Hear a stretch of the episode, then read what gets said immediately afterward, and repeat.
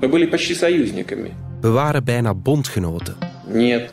Несмотря на наши предупреждения, несмотря на наши разговоры, просьбы, все-таки инфраструктура подошла к нашим границам. Maar ondanks alle waarschuwingen, alle gesprekken, kwam de infrastructuur van de NAVO heel dichtbij. U weet wel wie er aan het woord is: de Russische president Vladimir Poetin. Создание таких угроз для нас и есть красные линии. Но я надеюсь, что до этого не дойдет. Die bedreigingen van de NAVO zijn voor ons de rode lijn, zegt hij. Ik hoop dat het zover niet komt. Poetin zei deze woorden eind november 2021. En ze waren een boodschap aan de NAVO. Tot hier en niet verder. Oekraïne mag geen lid worden. Maar Jens Stoltenberg, de secretaris-generaal van de NAVO, was niet onder de indruk door die bedreigingen. Russia has no say and Russia has no right to establish a sphere of influence trying to control their neighbors. En zo staat de NAVO weer in het centrum van de aandacht. Ook de Europese Unie is springlevend. Europe has been by Ukraine's side since day one. De oorlog in Oekraïne is een jaar bezig. Het is een oorlog die we nooit hadden verwacht, maar tegelijk ook al jaren zagen aankomen. En die oorlog heeft heel wat veranderd voor ons allemaal. In vijf afleveringen kijk ik, Alexander Lippenveld, samen met mijn collega's terug naar het eerste jaar van dit conflict. En we kijken ook vooruit. Dit is DS Vandaag, één jaar oorlog. In deze aflevering de NAVO en de Europese Unie.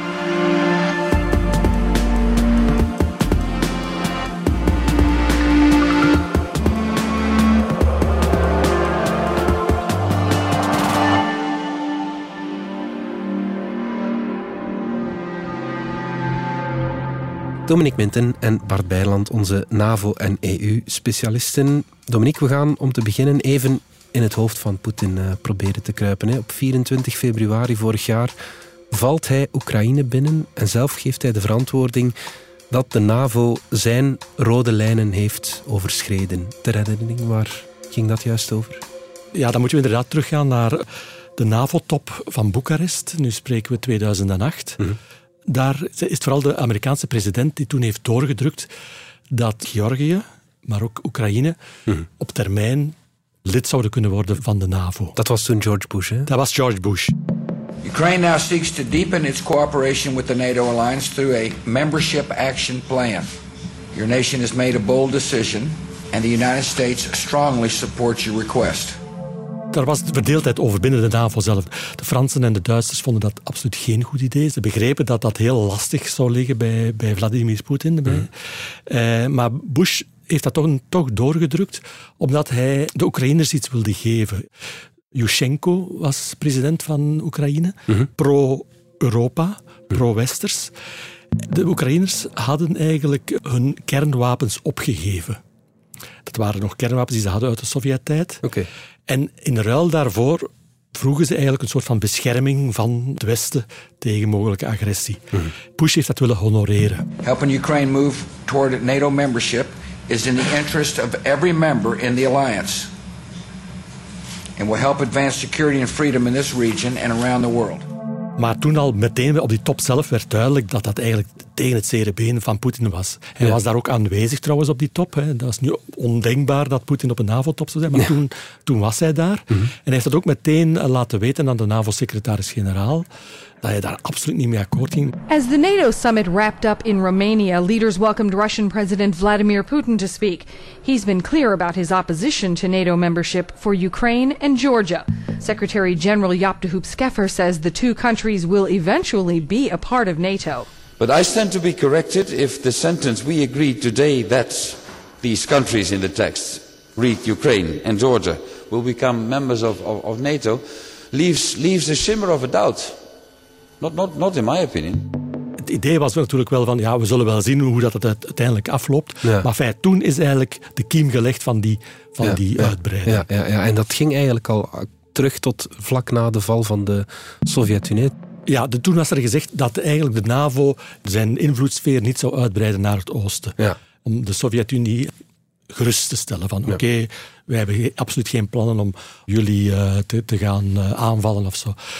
Maar wat er is gebeurd is dat heel die gordel van landen die bij het Warschau-pact hoorden, die hebben dan de vraag gesteld, ja, wij willen eigenlijk wel echt wel heel graag bij de NAVO zijn, wij vertrouwen die Russen niet. Eh, dus de Baltische staten, Polen, Tsjechoslowakije toen nog, eh, later ook Roemenië, Bulgarije, die wilden allemaal graag lid worden van, van dat uh, Westers bondgenootschap. Ja. Ja, en als die vraag er komt van die soevereine staten, dan was het ook moeilijk om, dat, om daar nee op te zeggen. Ja, ja. Bij Poetin altijd eh, heeft dat heel averechts gewerkt. Hij heeft dat altijd gezien als een, als een bedreiging van de Russische soevereiniteit en de Russische invloedssfeer. Ja, ja, ja. oké, goed. We spoelen even vooruit. In 2019 zei de Franse president Macron dat de NAVO hersendood was. Waarom zei hij dat toen? Ja, omdat de NAVO op dat moment inderdaad niet de meest uh, actieve indruk maakte. Trump was president geworden in de Verenigde Staten. Hij is toen de NAVO-lidstaten onder druk gaan zetten, omdat ze veel meer moesten gaan investeren in hun militaire materieel, in hun legers. En dat, dat was inderdaad ook zo. Zeker in veel West-Europese landen zaten ver onder de, de minimumnorm die eigenlijk vereist is door, door de NAVO om lid te zijn van de club. En dat je 2% van je BNP moet investeren in, in je leger. Dat, dat werd niet, niet meer gedaan. Dus iedereen ging ervan uit, oh ja, die, er is nauwelijks nog dreiging.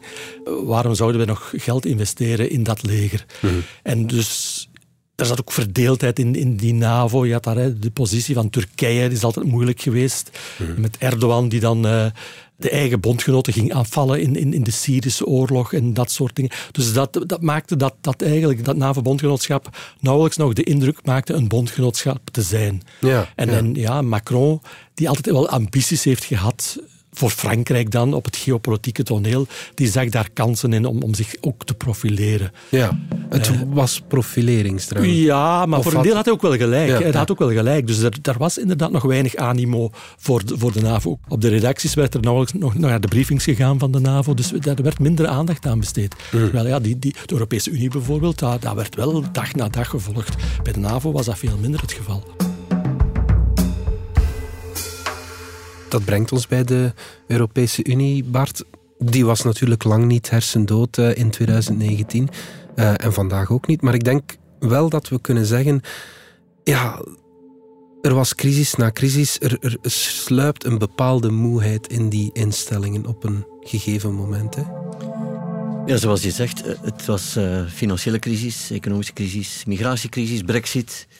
En dan de pandemie en het gevoel leefde van oké, vorig jaar van we zijn er eigenlijk uit stilaan. We kunnen beginnen denken aan economische heropleving. We kunnen beginnen denken aan onze eigen agenda, strategische autonomie. En dan krijgen ze plots weer die, die oorlog over zich heen en moeten ze weer reageren. En wij je weer opgezadeld met een economische crisis.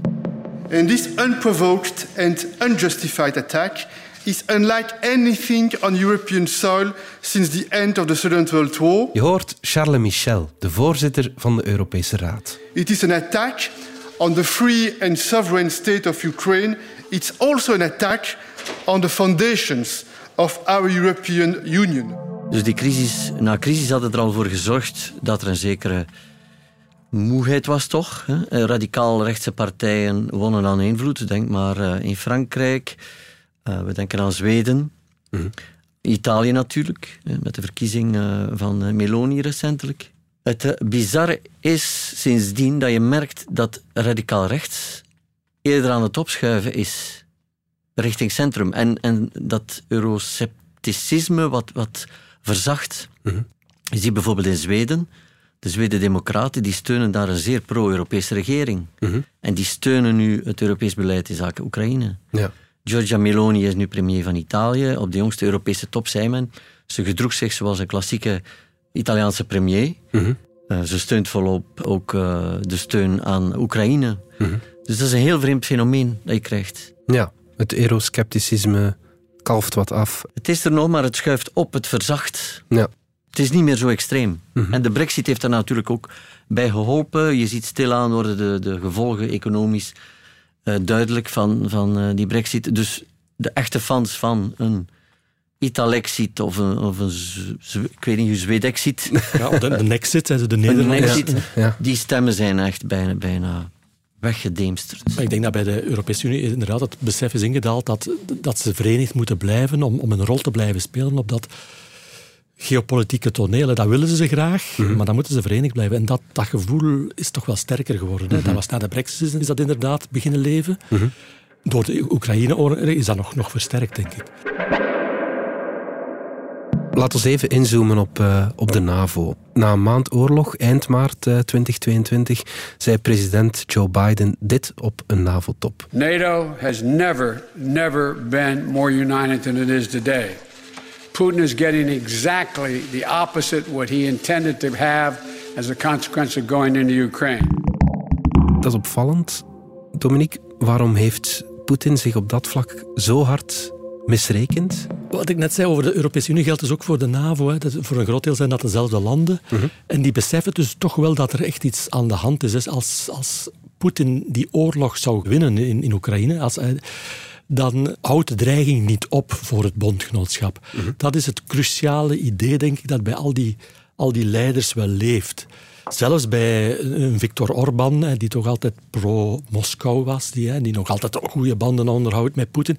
Zelfs bij hem is het idee ingedaald dat Poetin die oorlog niet mag winnen. Dat is als Oekraïne verloren gaat, dat dan heel die oostflank van Europa onder druk zal blijven staan. Ja, ja.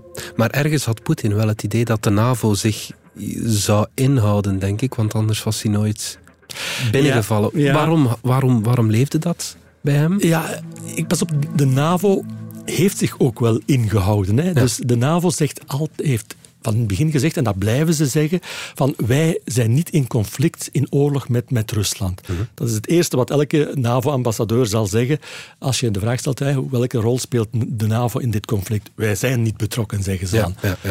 Dat is een beetje een Er is niemand met een blauwe helm die in Oekraïne rondloopt, om het zo te staan. Ja, inderdaad. Het is een beetje een sofistischer uh, argument, want het zijn de lidstaten van de NAVO, de leden van de NAVO, die wel degelijk betrokken worden in, in, in, dat conflict. In de zin van dat zij wapens aan het leveren zijn. Mhm, mhm. En dat had Poetin inderdaad misschien in, in, in het begin niet verwacht. Dat al die lidstaten massaal wapens zouden gaan leveren. Mhm. En dat zag je ook in het begin, was er eigenlijk heel veel terughoudendheid. Poetin heeft dat misschien ook wel slim gespeeld. Hij is dan direct, toen hij die inval deed, en de, de, de, eerste dagen, heeft hij direct die atoombom op tafel gelegd. Mhm. Van, pas op, als je ons uh, in de weg gaat lopen, wij hebben een atoombom en uh, wij zijn niet bang om die in te zetten. Перевести силы сдерживания российской армии в режим, в особый режим несения боевого дежурства. Dat heeft zeker in het begin in de Europese hoofdsteden wel voor wat onrust gezorgd. En ook voor terughoudendheid. Mhm. Dus je zag dat debat van we gaan uh, absoluut geen zware wapens uh, leveren. De Polen bijvoorbeeld, die altijd de, toch de meest ja, de grootste haviken zijn binnen het bondgenootschap, het meest anti-Russisch. Mhm. Na een paar weken waren die al aan het zeggen, we gaan onze, onze oude MiG-straaljagers leveren aan Oekraïne en dan krijgen wij er nieuwe F-16's van, van, van Amerika.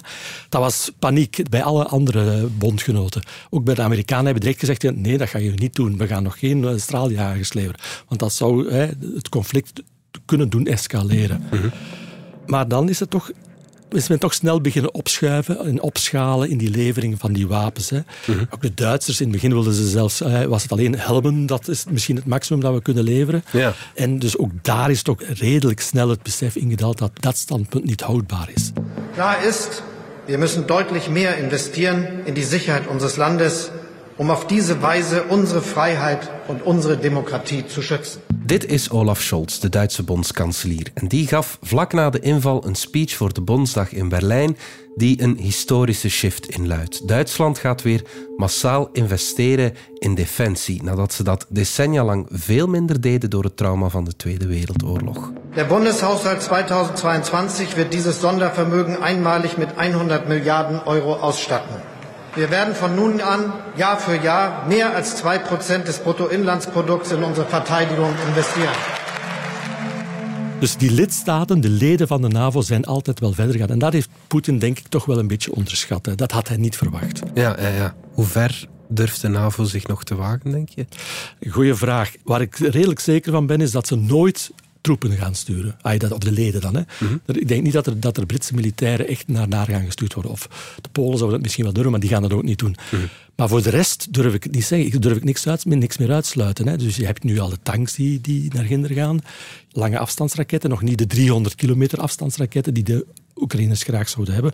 Maar begin februari is ook beslist, hebben de Amerikanen ook het licht op groen gezet voor de levering van middellange afstandsraketten. Dus met raketten die een afstand van 150 kilometer kunnen overbruggen, waarmee de Oekraïners de Russische doelwitten dus tot op 150 kilometer kunnen raken.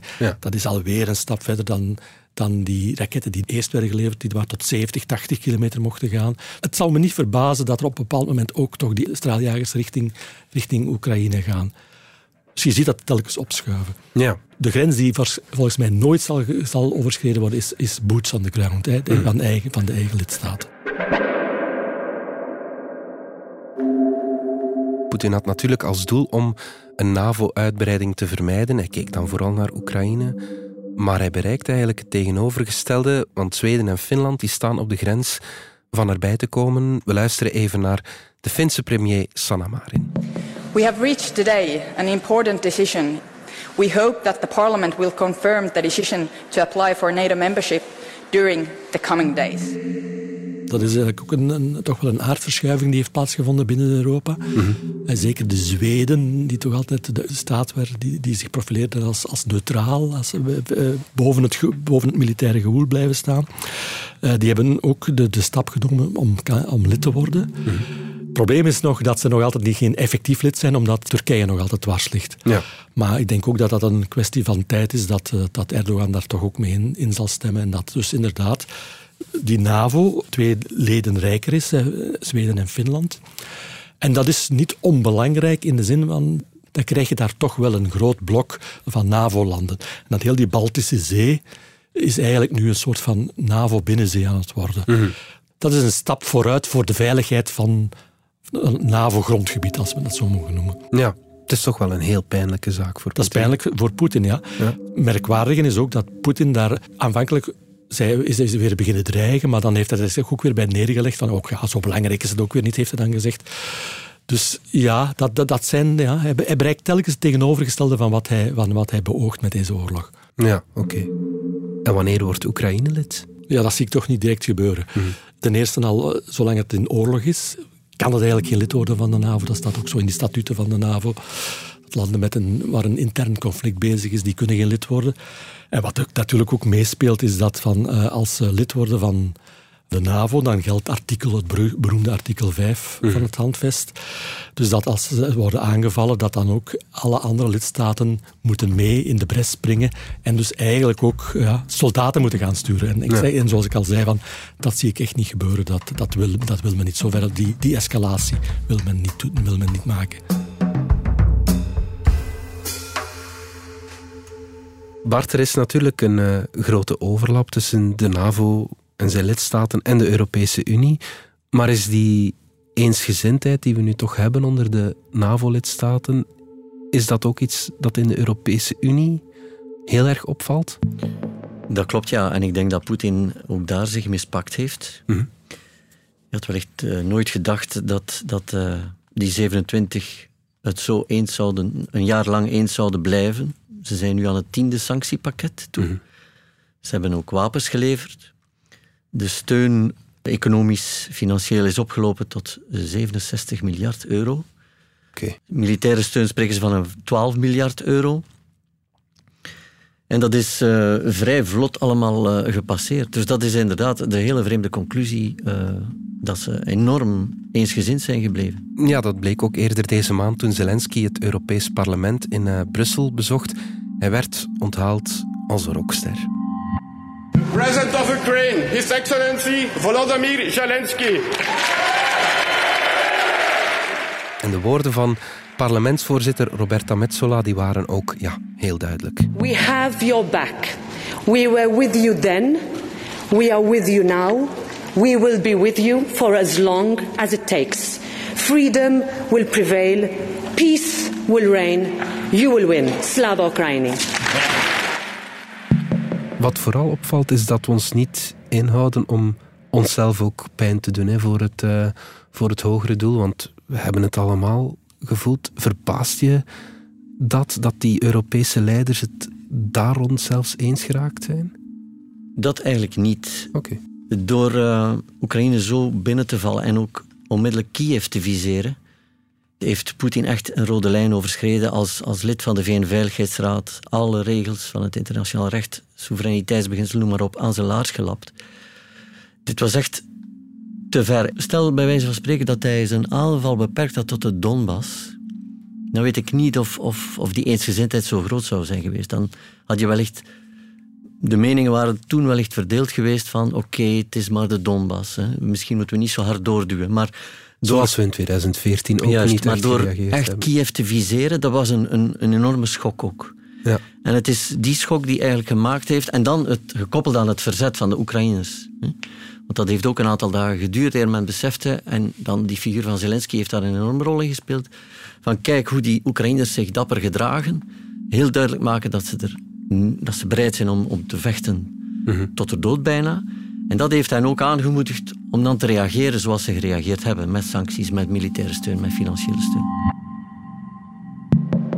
Het meest opvallende wat er het afgelopen jaar gebeurd is op het Europese front, is misschien wel dat lidmaatschap. Hè. Bart, eh, dat we Oekraïne voorhouden. Volodymyr, my message today is very clear. Ukraine belongs to the European family.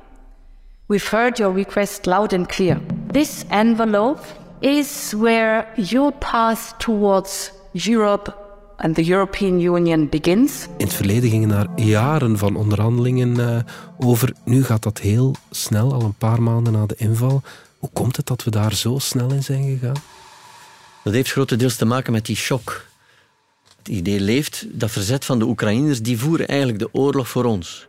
Zij vechten voor de Europese waarden. Ja, ook in het eh, Europees Parlement zei hij dat eerder deze maand. We verdedigen onszelf tegen de grootste anti-Europese kracht van de moderne wereld. Even luisteren.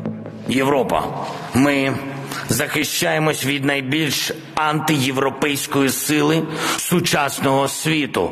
Ми захищаємось. Ми, українці, на полі бою разом з вами.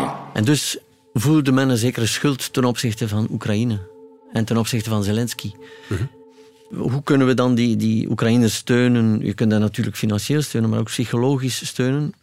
Is plots die beslissing, en dat is vrij snel gegaan, van we gaan hen ook kandidaat lidmaatschap verlenen. Ja. dat is dan gebeurd op de Europese top in juni vorig jaar. Wie was daar de, de trekker, zeg maar? Ja, zoals altijd in dit geval natuurlijk de, de Oost-Europese en de Baltische landen. Aanvankelijk was er verzet van de West-Europeanen, zeg maar, hè, met Scholz in Duitsland. Gevolgd door Nederland en, en België, die, die waarschuwden voor... Ja, dat is wel een enorme stap. Hè. Het is een zeer arm land. Het is een land waar corruptie endemisch is. Die, die waarschuwden om niet te snel te gaan. En dan is er die fameuze reis geweest per trein richting Kiev van Scholz, de Franse president Macron en de toenmalige Italiaanse premier Mario Draghi.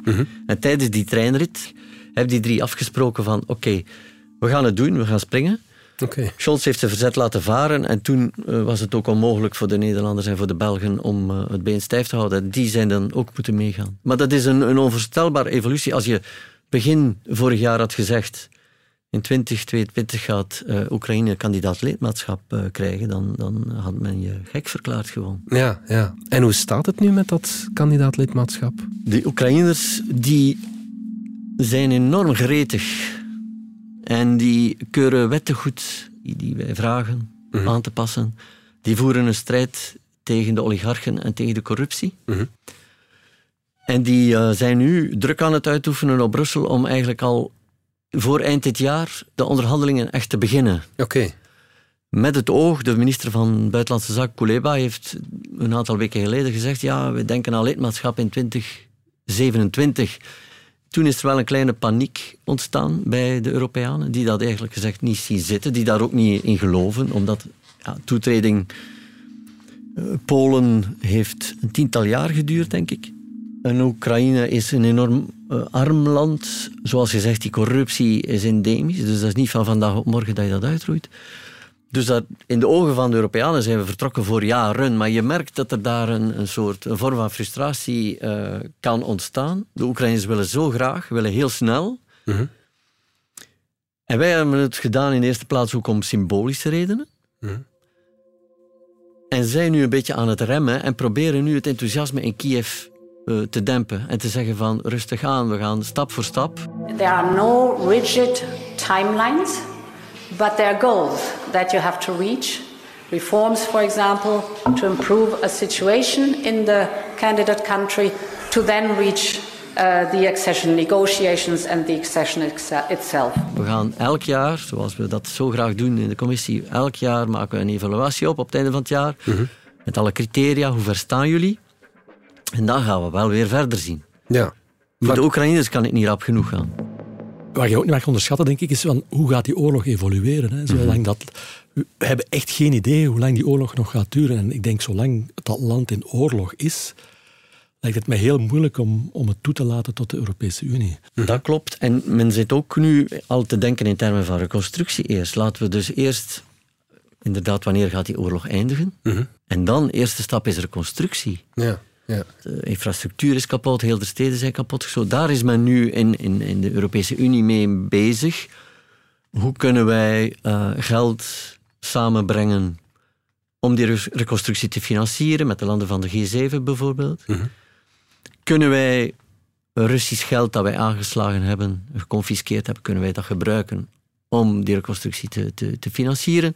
Kunnen wij een tribunaal oprichten om Poetin en anderen vroeg of laat aan te klagen wegens agressie? Daar zijn wij me- eerder mee bezig. Ja. En, ja. en voor de rest loopt de machine, maar niet te snel. Ja, want ze gaan wel heel snel. Het werpt zijn vruchten nu al af.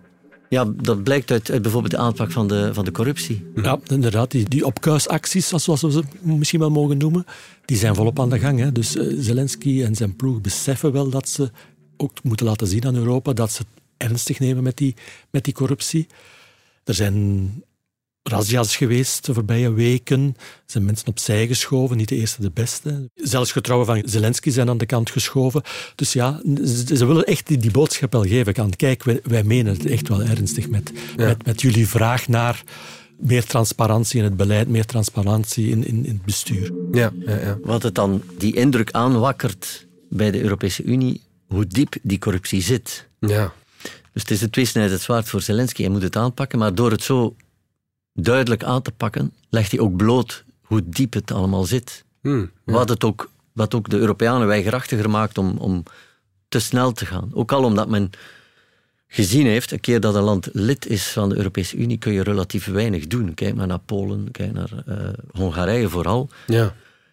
Je hebt eigenlijk meer hefbomen in handen voor een eh, land lid wordt dan wanneer een land lid is. Is dat ergens niet onafwendbaar, dat lidmaatschap van Oekraïne? Hoe lang het ook mag duren? Ja, het is beloofd.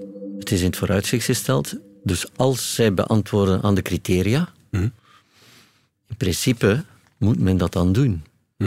Maar nog eens, daar zal een jaren overheen gaan. En veel zal afhangen van wanneer eindigt die oorlog Ja. en hoe eindigt die oorlog. Ja. Maar het is niet omdat er een oorlog woedt in een land of een conflict in een land dat dat land geen lid kan worden van de EU. Denk bijvoorbeeld aan Cyprus, waar de noordelijke helft van het eiland bezet is door Turkije. Cyprus is wel lid geworden van eh, de Europese Unie, waarbij alleen de Griek-Cyprioten alle voordelen hebben. Ja. Maar goed, het land is lid. En zoals we al zeiden, ze voeren ook wel onze oorlog, hè, Dominique? Ja, dat mag je wel zeggen. Wat ook al, alle Europese leiders telkens blijven herhalen is, Poetin mag deze oorlog niet winnen. De Oekraïners moeten hem winnen. Dus ja, en omdat wij, wij sturen wel wapens, maar geen troepen. Maar dus ja, het is het Oekraïense volk dat, dat deze oorlog voor ons vecht, Ja. uitvecht. En dat maakt ook dat we eigenlijk onze steun niet kunnen opgeven. De grootste deel van het Oekraïense volk, die willen echt bij Europa horen. Die willen die westerse waarden, die vrije democratie, die democratische waarden, die omarmen dat. Hè. Die, hebben, die, die laten het leven daarvoor. Dan zou het wel heel cynisch zijn dat we die deur dicht houden voor hen. We gaan tot slot nog even proberen eh, vooruitblikken. Hè. De vraag is, hoe lang gaan we dit nog uithouden? We staan nu als EU en als collectief van NAVO-lidstaten als één blok achter Oekraïne. Wat als Zelensky met die raketten die de Amerikanen nu sturen bijvoorbeeld de Krim gaat uh, viseren? Dat wordt het hele, hele lastige vraag. Dus uh, ja, officieel is het standpunt in het Westen, in Europa, dat de Krim hoort bij Oekraïne. Mhm. Die annexatie die gebeurd is door, door Rusland was wederrechtelijk. Hè. Het ging in tegen alle internationale verdragen. Wij staan aan de kant van het internationaal recht. Dus in principe hebben zij, als Zelensky, en dat blijft hij zeggen, de Krim wil heroveren, dan kunnen wij niet anders zeggen van oké, je hebt dat recht om dat te doen. Mhm. Wat je wel hoort is dat uh, daar veel onrust over is bij de, in Europa en ook in de VS zelfs, uh, van dat er hem daar wel, wel wordt afgeraden. Mhm. Maar ja, het is, het is, ik vind het heel moeilijk om daarop vooruit te lopen, wat er dan precies gaat gebeuren. Ik denk dat het een belangrijk jaar wordt. In die zin zal moeten blijken of de Oekraïners kunnen hardmaken wat ze beweren dat ze zullen kunnen, namelijk verder in het offensief gaan en het Russische leger terugdringen. Mhm. Is dat niet het geval en de Oekraïners worden in het defensief gedrongen, dat je dan wel stemmen gaat krijgen in Europa om te zeggen: oké, het is tijd om te gaan praten over vrede. Ja. Of Poetin dat dan wil, is weer een andere vraag. Maar ik kan me voorstellen als, als dit jaar blijkt dat het conflict muurvast zit, dat er toch meer en meer stemmen zullen opgaan in sommige lidstaten, niet alleen Hongarije dan en Orbán, maar misschien ook wel in Frankrijk, ook in Italië, om te zeggen van we gaan toch wel beter praten dan, dan, dan hier eindeloos voortvechten. ja. En dan is het afwachten hoe, hoe Zelensky en hoe Kiev daarop gaat reageren. Hè. Zij, gaan daar, zij gaan daar zeer boos over zijn. Maar dat wordt inderdaad een, dat zou een gevaarlijk punt kunnen worden voor die, die solidariteit. De officiële positie is de Oekraïners beslissen. Mhm. Hm? Als, zij zijn soeverein, ze zijn een autonoom land. Dus zij beslissen in principe wat er gebeurt. Maar wij kunnen natuurlijk aan de hand van onze financiële, economische en militaire steun de beslissingen in Kiev beïnvloeden. Mhm. Oké, goed. Dominique Menten, Bart Bijland, dank jullie wel. Graag gedaan.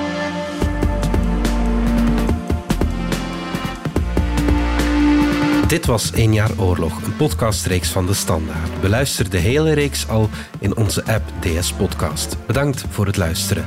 Laat een review achter en volg ons op Spotify, Apple Podcast of eender welk ander podcastplatform. Voor 4 euro per week lees je elke dag meer van onze journalistiek in de app, online en in de krant. Met scherpe analyse en duiding bij de actualiteit, maar ook nog meer verhalen achter de feiten en nieuwe inzichten. Alle info vind je via standaard.be-lees. De credits van de podcast die je net hoorde vind je op standaard.be-podcast. Reageren kan via podcast.standaard.be.